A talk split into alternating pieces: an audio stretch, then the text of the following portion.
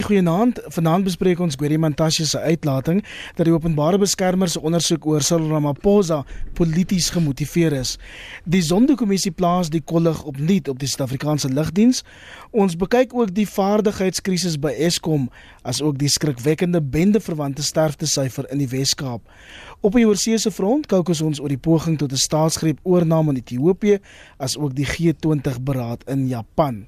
Hier by my in die ateljee vanaand is Dr Piet Kroukamp, hy's 'n politieke ontleder verbonde aan die Noordwes Universiteit. Goeienaand sê Piet. Goeienaand Iwer. Op die lyn Alida Kok, 'n dosent in politiek en internasionale verhoudinge by Akademia Nansi Alida. Goeienaand Iwer, hallo Piet. Hallo. En dan hoop ons ook om binnekort aan te sluit by Dr Oscar van Heerden. Hy is 'n genoot van Mistra en 'n trustee van die Galema Motlanthe Stichting. Alidan Piet, kom ons begin solank. Die ANC voorsteur Gweri Mantashe het nou ook tot die debat oor die openbare beskermer advokaat Bosisiwe Mkobani toegetree en Mantashe vooraan dat haar ondersoek oor 'n half miljoen rand skenking aan die president polities gemotiveer is. En Piet meneer Mantashe gaan verder deur te sê dis nie die eerste keer dat die openbare beskermer haar by politieke aangeleenthede inmeng nie. Hoe lees jy Mantashe se uitlating? Het ons hier soos die Daily Maverick dit hierdie week beskryf het as te doen met Ramaphosa se eie kandla? Ehm um, ek dink wat Mantashe betref met is twee goed onthou. Die een ding is hy's reg en die ander ding is dat hy verkeerd is. Wat hy waar hy reg is is dat ek dink die uh, grondwet hof en uh, Hooggeregshof het reeds bevind dat sy haar uitspreek oor goed wat buite die rykbuite is van van haar uh, mandaat en van die wet eh, die openbare beskermerwet en die grondwet jy, jy sal onthou dat sy aanbeveel het dat die grondwet verander moet word om die reservebank se mandaat te verander. Nou in daardie opsig is hy reg. Die ander ding wat jy moet onthou is dat Gweri Mantas word self geïmpliseer by Bosasa en die sekuriteitskameras by sy huis en uh, dit in 'n sekere mate plaas hom eintlik in presies dieselfde posisie as wat die president is. Nou dit mag wees dat daar uiteindelik in die finale besluit uh van die of van die openbare beskermer of van die hof sou dit gaan op 'n uh, op hersiening daar wel 'n besluit geneem word dat die openbare beskermer eendag eenvoudig verkeerd is uh of sy noodwendig haarself nou ingemeng het in die politiek is iets anders. Maar wat ek wel weet is die vraag wat 'n mens altyd vir jouself vra is uh op grond van watter gesag is die openbare beskermer so vol selfvertroue om Pravin Gordhan, Gwerimantas, die president almal gedurig te teiken en byvoorbeeld vir Ysmagashule met die Estine saak weg te weet laat wegkom met wat wat presies is dit wat haar motiveer? Wat is haar dryf? As ons sê maar sy gaan sy het 'n politieke motivering, wat is daar agter?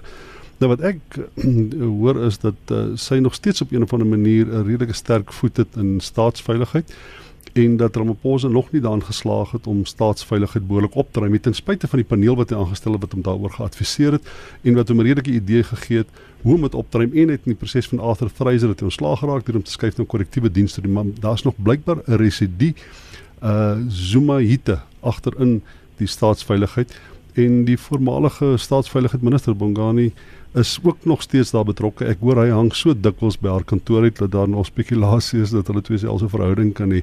Met ander woorde, haar wortels is nog steeds in staatsveiligheid en dit dink ek is noem dit maar die informele mandaat in terme waarvan sy optree.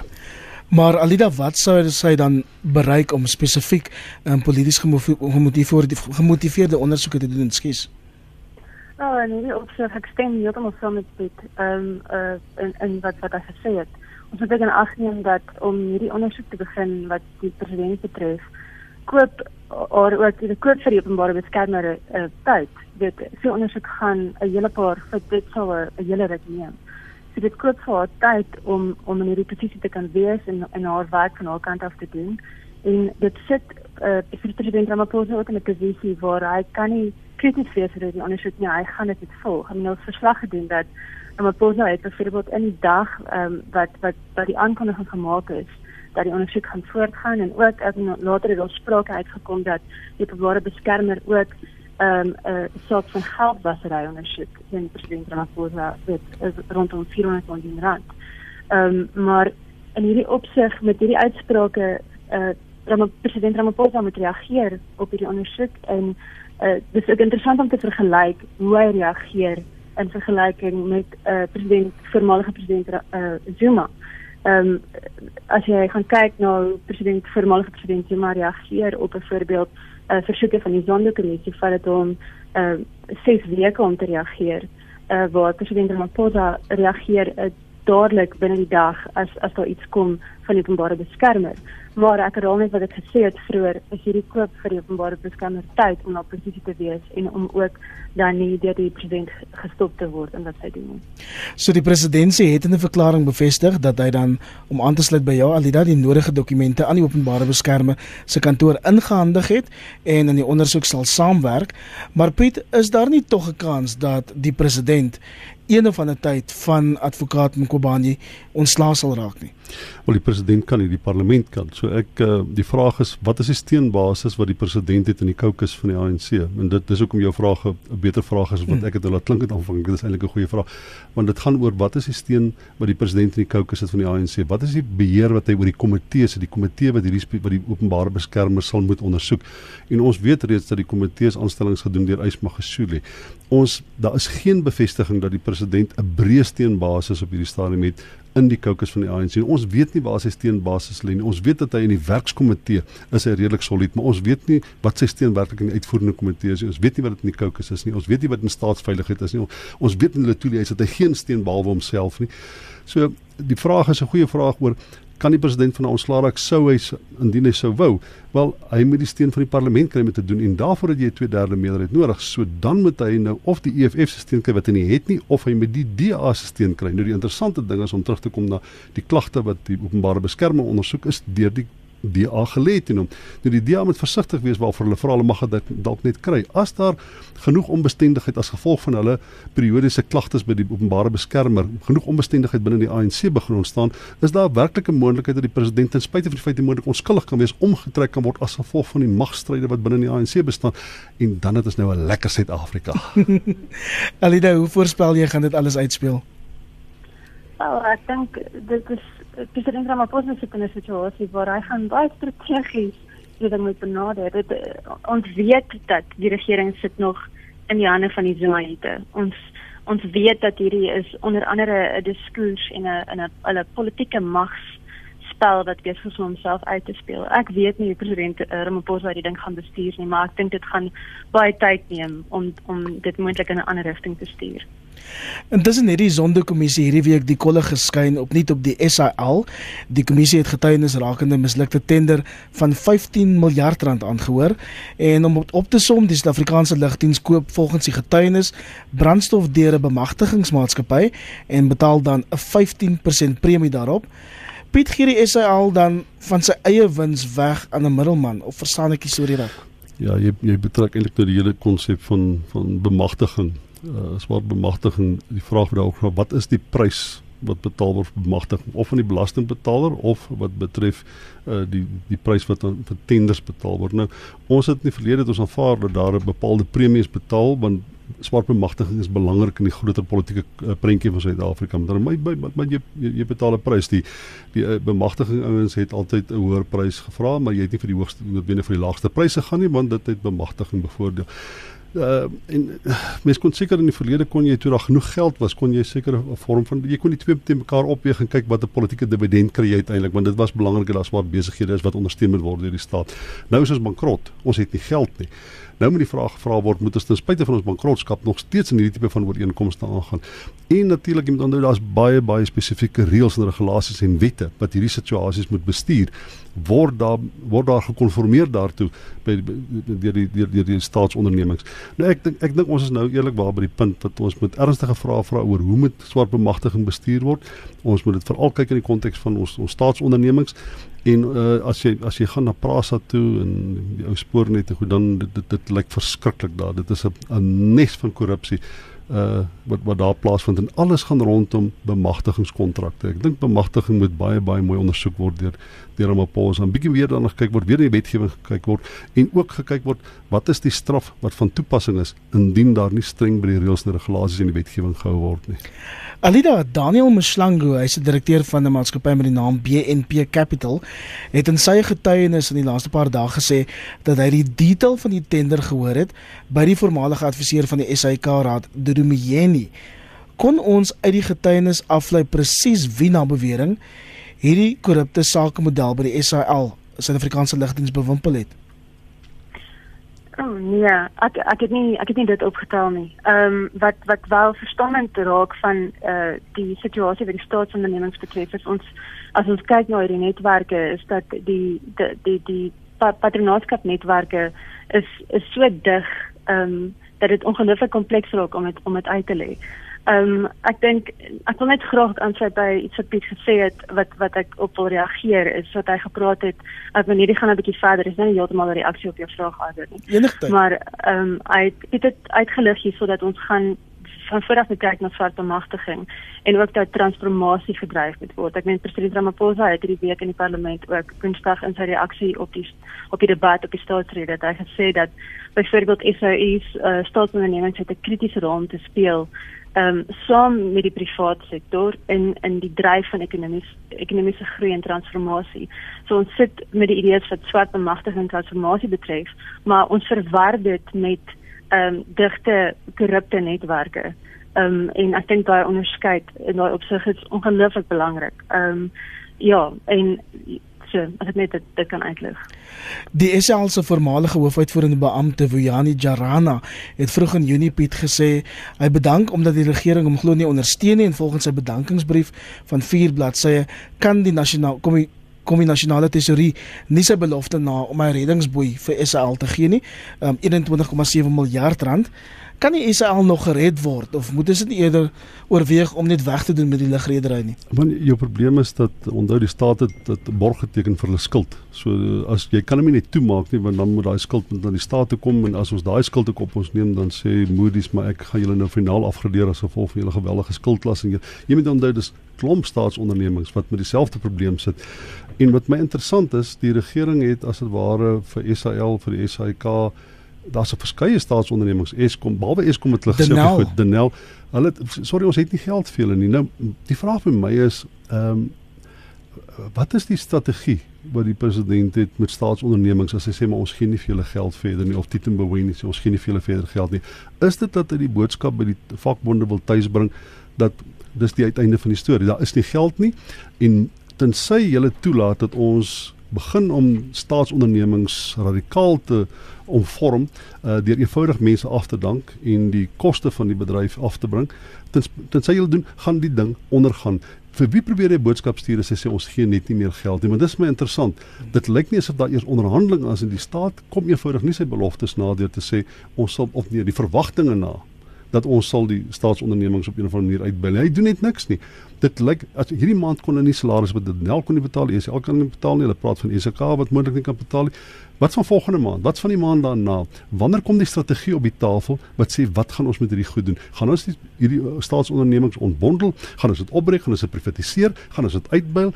Daar is nie 'n plan op die tafel waarvan ek bewus is op hierdie stadium nie behalwe met met Eskom wat hulle gesê het goed ons gaan 200 miljard plus beskikbaar maak. Ons het verlede week op kommentaar ook hieroor gepraat, ehm um, in spesifiek in die konteks van die SAIK wat sê dat ehm um, hy in absolute donkerte gehul kan word ehm um, as die SAIK nie met die of die regering nie met 'n reddingsboei vorendag kom nie.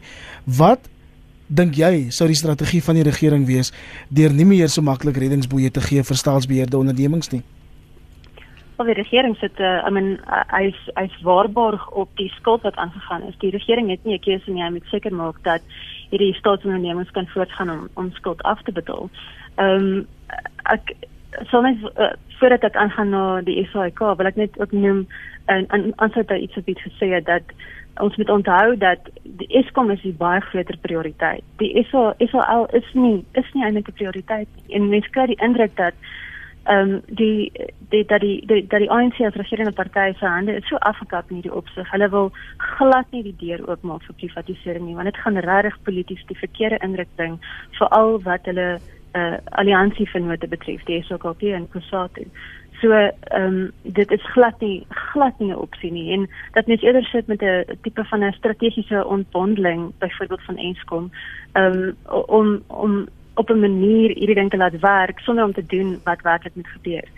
Uh wat die wat die SAIK betref en uh staatswaarborge of uh, of die uh wat wat die delging van skuld betref. Die die regering het nie 'n keuse nie. Dit dit moet opgelos word. Maar wie iwer ek net sê die wat die regering doen en dis is dis dis 'n slim ding. Wat jy doen is jy gebruik ou konsep die verpakking in 'n nuwe bottel. Wat beteken ontbondeling?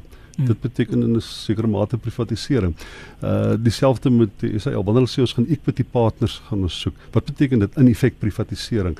So jy kan iets wat hulle wil doen is hulle moet sê vir die vakbonde kyk ons um, julle gaan daar gaan geen werksverliese wees nie. Ons gaan met equity partner, ons gaan ons onderhandeling aangaan, ons gaan ontbondel en daar gaan nie werksverliese wees nie. Maar uiteindelik moet jy onthou wat jy dan doen is jy hand jy handig mag oor as dit ware aan 'n nuwe bestuur en daai bestuur neem uiteindelik daai besluit en daai bestuur moet dan die vakbonde konfronteer en sê maar ons moet wel mense aflaat met nou is dit 'n privaat besigheid wat met op op weet op bewindsmotief moet werk. So wat hulle doen is met die met die met noem dit maar on die ontbondeling of die privatisering. Hulle verpak dit in ander terme. Ek het geen twyfel daaroor. As jy met Tito Mboweni, ek volg hom nou baie mooi op Twitter. Tito Mboweni sê wat maak ons met SL om ons slaag raak van hom. Die, hy soek net 'n manier om dit te bestuur sodat die staat nie met daai skuldklas sit en ons nie afgegradeer word nie. En dieselfde geld vir verskeie ander staatsondernemings. Tito Mboweni, om jy moet onthou hy het nie 'n politieke agenda nie, hy het nie 'n politieke toekoms nie, hy word nooit president word nie. Hy stel regtig in geen politieke uh, toekoms belang nie. Hy kan die risiko's loop en hy is besig om die president se frontman te word en te sê ons gaan hierdie goed ontbondel.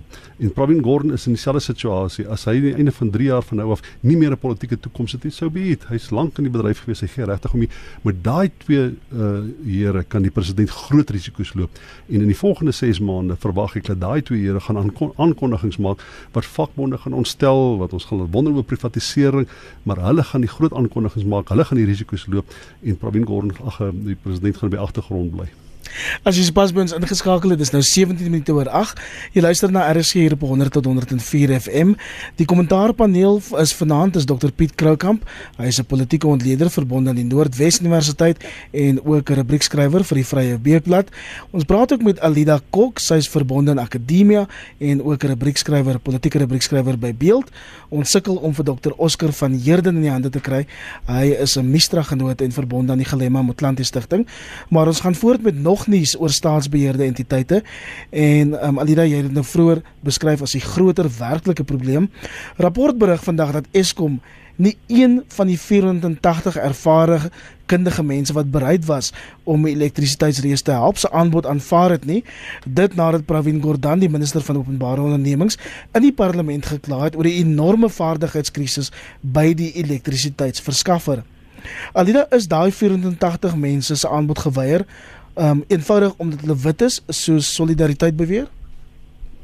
Wen eh, dit dit is definitief dit hierso gaan ons hierdie hierdie gesprek gaan oor iets anders. Dit gaan nie oor die konkrete effekte van om werklik konkrete probleme op te los nie. Dit is 'n ander politieke debat wat hier aan die gang is.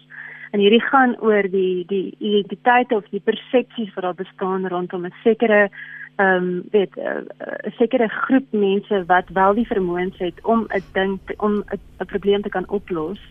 Ehm um, en dan die die die politieke boodskap of die identiteit van van die regerende party en en ook dan natuurlik ek dink hiervan moet ons ook begin dink aan wat wat is vakbondpolitiek in Suid-Afrika? Wat wat is wat is vakbondpolitiek in terme van Kossatu en wat is vakbondpolitiek in terme van die solidariteitsbeweging? Ehm um, dis twee dis twee benaderings tot die wêreld wat op 'n manier bots dit met mekaar. Ek dink Kusate het vir my ehm um, as as vakbond uh, fit vakbond beweging is so gefokus daarop om seker te maak dat personeel ehm um, of dat hulle lede ehm um, toegang kry tot salarisse of poste bou in staatsondernemings en dan dit hierdie bots loodreg met byvoorbeeld 'n beweging soos solidariteit solidariteit wat hierdie wat wat hierdie benadering volg natuurlik ook met op 'n manier daar is 'n aspres aspresheid in 'n in 'n politiek en in die benadering van hierdie beweging ook. Ehm um, so mense moet kyk na die vakbondpolitiek en hoe hierdie hierdie idees spot. So ek sou eerder sê dat dit gaan oor hierdie debatte en hierdie idees en die persepsies wat daar is rondom groepe mense as wat dit werklik gaan daaroor om 480 ervare en kundige mense te kry om die probleme by Eskom uh um, aan te spreek. Ek wil ook net noem dis nogal belangrik om in gedagte te hou wat Eskom betref. Uit 48000 mense wat by Eskom werknemers is, is minder as 'n kwart, 9639 mense direk betrokke by kragopwekking.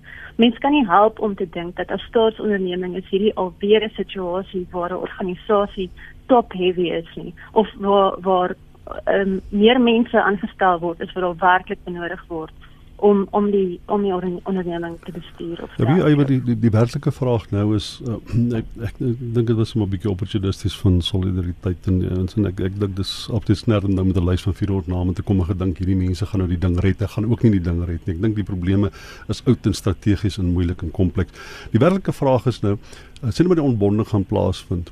Wie gaan betrokke wees by hierdie ding en as ek dit reg verstaan en ek hoor ook maar my stories deur die grapevine uh, is die staat werklik of uh, Pravin Gordhan en die president is besig om te onderhandel met mense wat in 'n baie breër internasionale tipe van konteks funksioneer wat uh, energievoorsiening betref uh, oor hierdie opbreek van die ding en ek dink dit is nou die prioriteit jy gaan hom nie nou beter bestuur jy kan nou 30 of 40 van hierdie lys van solidariteit se mense aanstel. Dit gaan hom nie nou beter bestuur die ding is is rotten to the core. Dis nou baie belangrik om te besluit wat maak ons met die onderneming? Hoe bestuur ons die skuldlas hoe bestuur ons die kostes van die onderneming? En ek dink hulle is druk druk druk besig daarmee.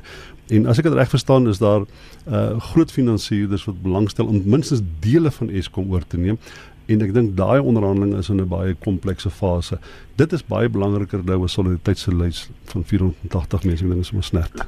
As as ek net kan ek kan net vinnig hier byvoeg. Ek dink dit is ook uh, belangrik om in gedagte te hou dat hierdie is ook iets waar die ANC droog maak. Die ANC as regerende party bestuur staatsondernemings nie korrek nie en politieke opponente gaan hierop in cash. Dit hulle gaan hulle gaan daai ding begin uitbuit.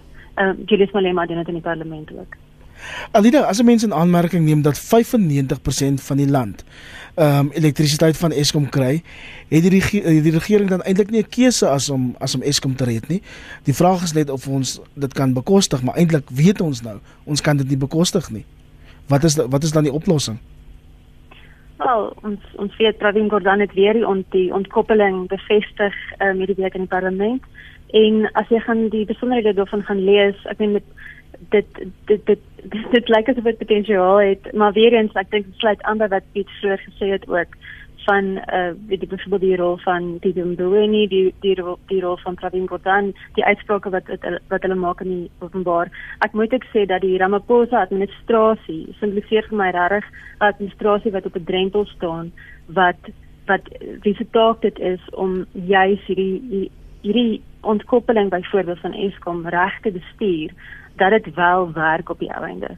En en dit gaan daar ook uh, oor strategiese kommunikasie. Dat mens dis dalk 'n geleide term om te gebruik, maar dat jy hierdie boodskap reg oordra aan uh kiesers en aan mense in in jou kampe dat hulle dit aanvaar, maar dat dit in praktyk werklik begin afbetaal. Piet, die koerant het nou hierdie week weer daarop gesin speel dat 'n uh, groot deel van die gemors by Eskom moet voor politici se deur gelê word omdat hulle hulle neuse ingesteek het die naam van Molisiki Gabas genoem. Hulle neuse ingesteek het by dinge waarvan hulle eintlik niks weet nie. Ja, ons kyk ons ons ons weet presies waar Eskom se probleme vandaan kom. Ons weet daar's nie twyfel dat die Sonderkommissie het ons daarvan vertel en Morissie Kaba, ons weet presies wat hy gedoen het. Ons weet hoe die gemors gekom het in in Jacob Zuma en in in Popom, ek gaan sê Popom Molefe. Hmm. Molefe wat daar betrokke was. Ons ons weet wat die probleem Brian. was. Brian Molefe wat daar betrokke was. Uh, uh, vir my is die onthou net uh, uh energie is 'n ding wat verhandel word. Met ander woorde, daar's 'n wins daar, daar's geld te maak daar. Ons moet nie dink dat niemand stel belang om die diens te lewer wat Eskom swak lewer nie.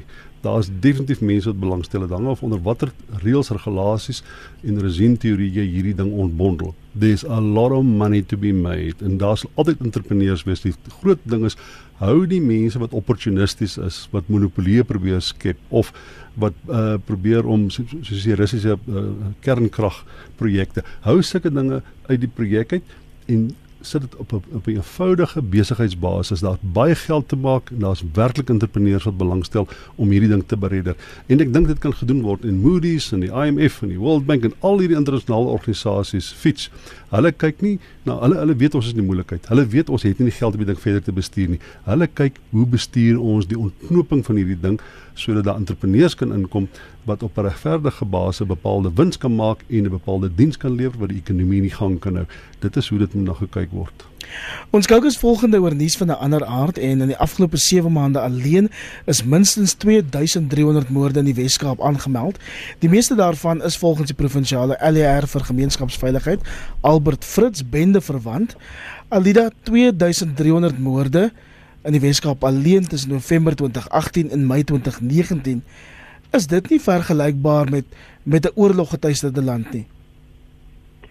Nou, ons dit dit ja, het, ja, dat wat wat dit is. Ons ons sit in die geweld geweldsvlak en misdaadvlak in Suid-Afrika is waar mense leef op 'n disfunksionele wyse in daai konteks. Ons sien dit uh, dis dis nogal treffend as jy kyk byvoorbeeld na uh, die nuus verslaggewing in die nuus in Suid-Afrika en vergelyk dit met ander dele in die wêreld. Hier dink ek byvoorbeeld aan Noord-Amerika en Europa wat seker nie noodwendig vergelykbaar is met die konteks waarin ons leef nie. Maar ons ons nuus en verslaggewing wat op die einde van die dag ook maar 'n reflektering is van wat op in praktyk aangaan. Ehm um, bevat soveel moord, weet verslaggewing oor moorde en misdaad. Ehm um, so ja, ek sal soms stem uh, in daai opsig. Dit lyk like of daar boonop 'n bottelnek is tussen die polisie, die metropolisie, die Wes-Kaapse regering en dan weet ons ook dat die Wes-Kaap 'n dispuut met die nasionale minister van polisie verklaar het. Dis sekerlik die laaste ding wat die mense van daai provinsie nou nodig het. Ja, wie Iwer ek het net vandag so 'n bietjie daaroor gelees en dit is een van die mees komplekse verskynsels wat jy jouself kan voorstel. Daar's bepaalde areas uh, in die Weskaap, uh, Kaapse vlakte en daai areas, Mitchells area, waar die die mense wat daar bly, as dit ware uh, half 'n vorm van legitimering of goedkeuring verleen aan bepaalde bendes. Met ander woorde, hulle is geïntegreer in die samelewing en hulle daar's dit noem dit maar 'n simbiotiese verhouding baie keer tussen bendes in dele van die samelewing. Dis nie asof jy daar instap in die burgery is noodwendig teen die teen die bendes nie. Hulle het ook hulle keuses en voorkeure vir vir bendes. En as jy kyk na die die sosiologiese verval wat in daai areas plaasvind, die kinders wat nie skool toe gaan nie, die dit is 'n verskriklike komplekse situasie wat jy nie net met polisieering kan regmaak nie. Daar moet eenvoudig maatskaplike dienste moet gelewer word, die area moet gestabiliseer word. Maar ek is een van die voorstanders wat ek kan nie verstaan nie. Sê net maar jy gebruik Mitchells Plain. Dis 'n dis 'n dis 'n duidelik identifiseerbare area. Dis geweldige hoë vlakke van van van van van van uh gangsterbedrywighede daar.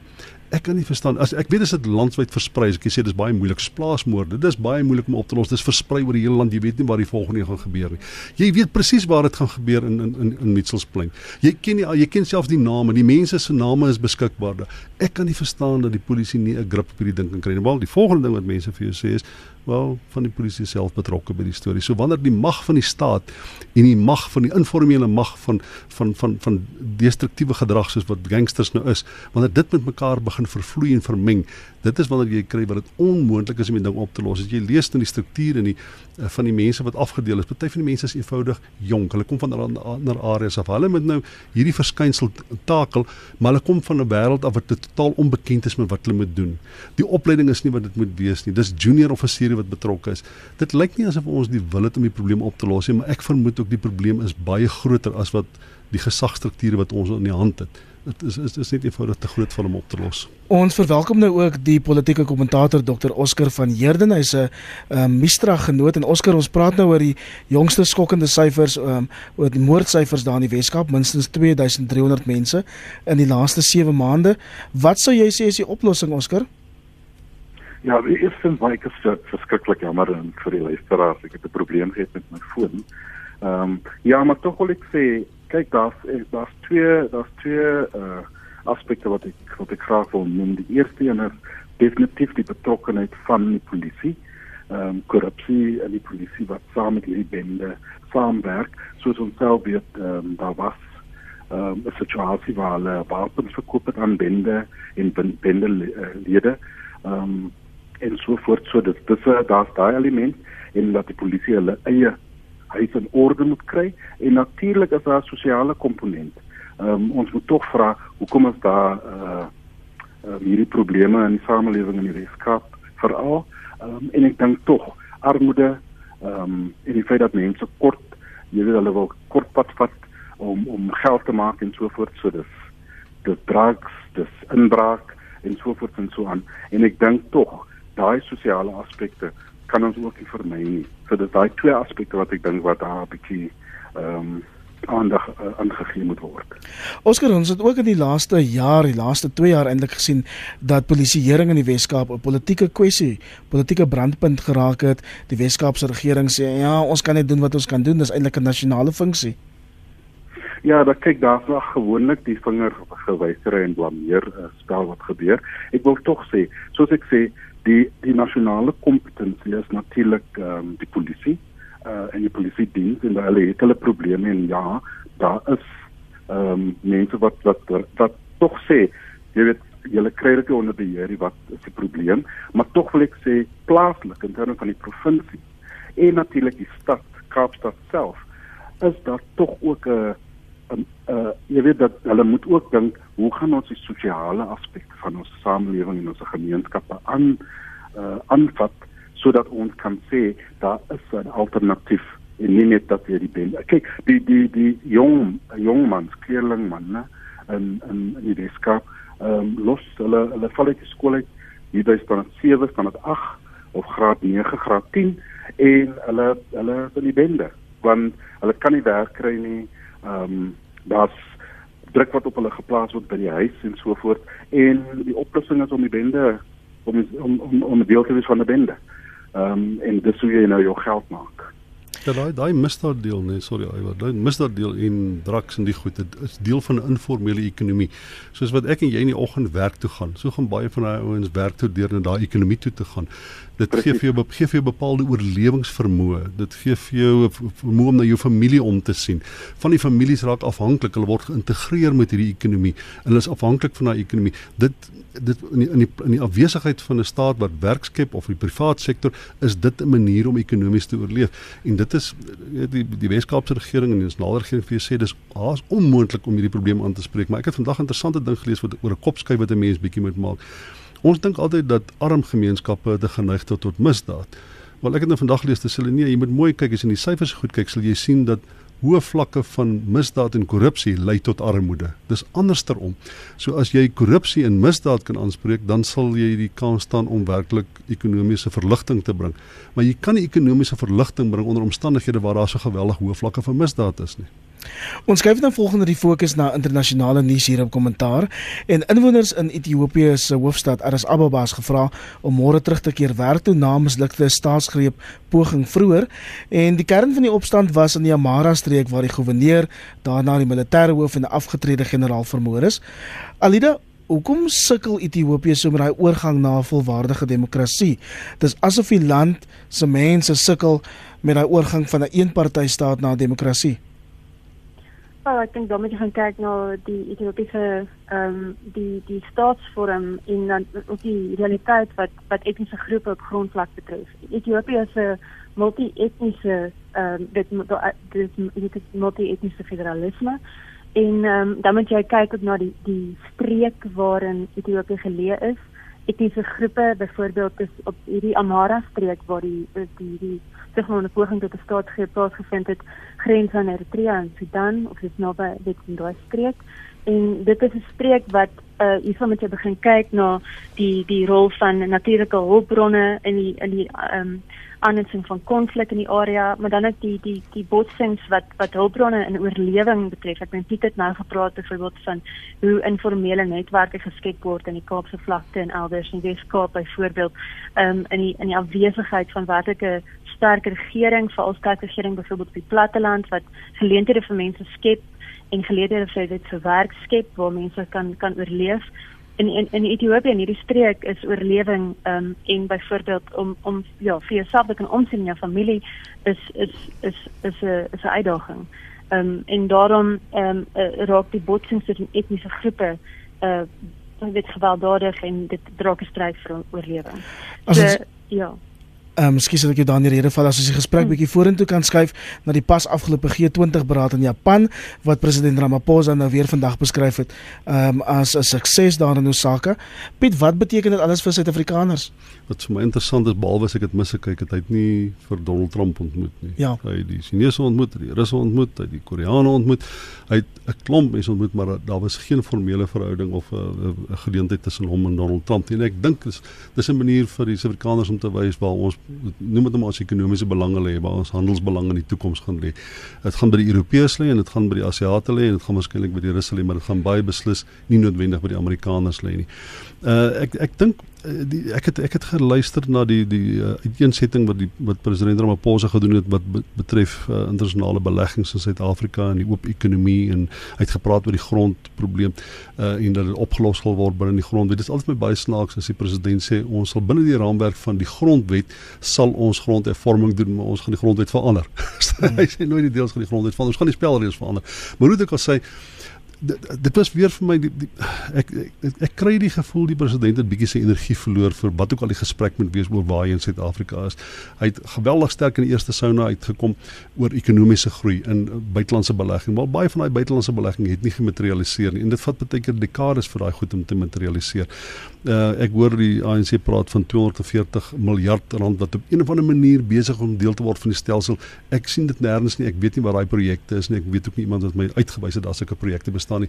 Dit is alles langtermynprojekte. Ons gaan nie werkloosheid in Suid-Afrika oplos binne die volgende 15, 20 jaar nie. Ons het nou 10 miljoen mense werkloos. Oor 15 jaar gaan ons waarskynlik 15 miljoen hê.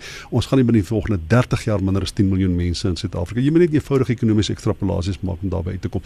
So die president kan nie vir ons sê hy gaan groot buitelandse belegging kry want hy, ons gaan dit nie nou kry nie. Hy kan nie vir ons sê hy gaan werkloosheidprobleem oplos nie want hy kan dit nie nou doen nie. So wat is die volgende ding wat hy kan doen? En ek dink dit is by die by die, by die G20 wat ek gedink het hy moet meer op konsentreer.